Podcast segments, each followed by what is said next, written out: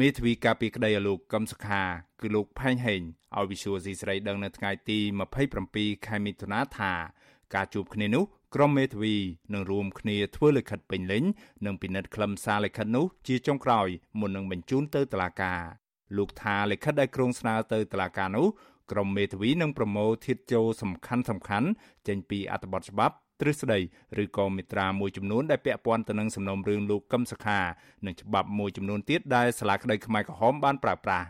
មេធាវីដដែលបញ្ជាក់ថាពេលនេះក្រុមមេធាវីសម្រាប់ថានឹងមិនដាក់លិខិតស្នើសុំបន្តសវនាការទៀតទេព្រោះតឡាការបានបដិសេធសំណើសុំបើកសវនាការឡើងវិញនោះជាច្រើនដងមកហើយឡាការមិនមិនបើកតាមការស្នើសុំរបស់យើងជាច្រើនសាររហូតដល់ពេលនេះយើងយល់ថា ប្រហែលជាតឡាការមិនវិនិច្ឆ័យដីសម្រាប់ទៅលើការស្នើបែបហ្នឹងអញ្ចឹងហើយយើងរកនីតិវិធីផ្សេងដើម្បី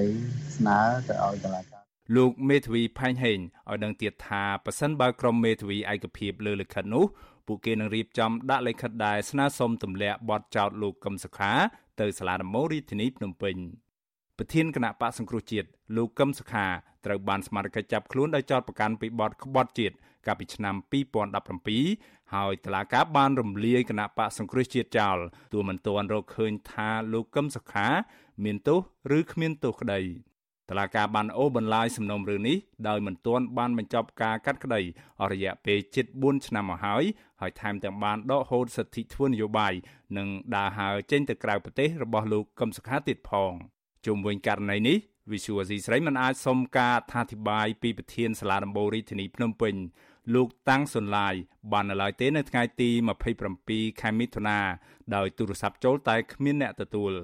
ចំណែកអ្នកនាំពាក្យគណៈបកប្រជាជនកម្ពុជា លោកសុកអេសាននិយាយថាការសម្រេចយ៉ាងណាលើការស្នើសុំរបស់មេធាវីលោកកឹមសុខា គឺជាសិទ្ធិតុលាការលោកសុំមិនបកស្រាយលើករណីនេះទេខ្ញុំអត់មានមតិទេយើងរងចាំមើលទាំងអស់គ្នាថាតើតុលាការសម្រេចយ៉ាងណាវាអាស្រ័យទៅលើតុលាការពិនិត្យសំណុំរឿងហ្នឹងតើវាគួរឲ្យលើកលែងឬមួយក៏គួរតែបន្ត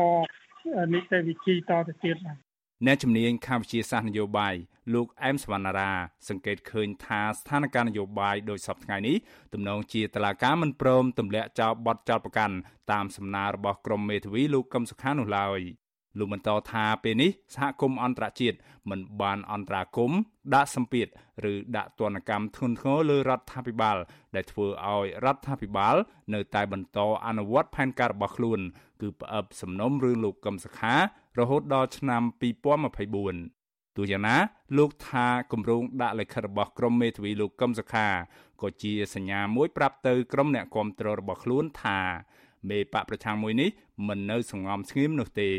ខ្ញុំគិតថាគណៈបកប្រឆាំងឬក៏លោកកឹមសុខានឹងអាចនៅក្នុងយន្តការបែបនេះសិនដោយសម្ដីនាយករដ្ឋមន្ត្រីលោកក្លបលើកឡើងឬក៏ក្រោយឆ្នាំ2024នេះបោះឆ្នោតហើយទើបអាចមានលទ្ធភាព ដំណើរការអីឡើងវិញ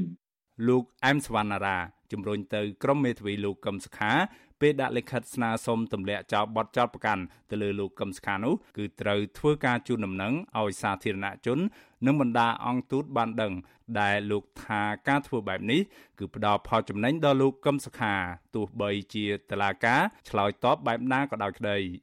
សហគមន៍អន្តរជាតិតែងតែទាមទាររបបក្រុងភ្នំពេញដោះលែងលោកកឹមសុខានិងអនុញ្ញាតឲ្យគណៈបកសង្គ្រោះជាតិដំណើរការឡើងវិញ។កាលពីពេលថ្មីៗនេះនៅអំឡុងពេលជួបជាមួយលោកនាយរដ្ឋមន្ត្រីហ៊ុនសែនអនុរដ្ឋមន្ត្រីការបរទេសអាមេរិកអ្នកស្រី Wendy Sherman ក៏បានអំពាវនាវដល់អាជ្ញាធរឲ្យទម្លាក់ចោលបទចោទប្រកាន់ដែលមានចរិតនយោបាយលើអ្នកនយោបាយបកប្រឆាំងអ្នកសារព័ត៌មាននិងសកម្មជនជាបន្ទាន់ ចំណែកលោកកឹមសុខាយូរយូរម្ដង លោកបានបង្ហោះសារតាមបណ្ដាញសង្គមទាមទាររកយុត្តិធម៌និងទាមទារឲ្យតុលាការទម្លាក់ចោលបទចោទប្រកាន់លើរូបលោកខ្ញុំបាទមេរិត Visual C ស្រីរាយការណ៍ពីរដ្ឋធានី Washington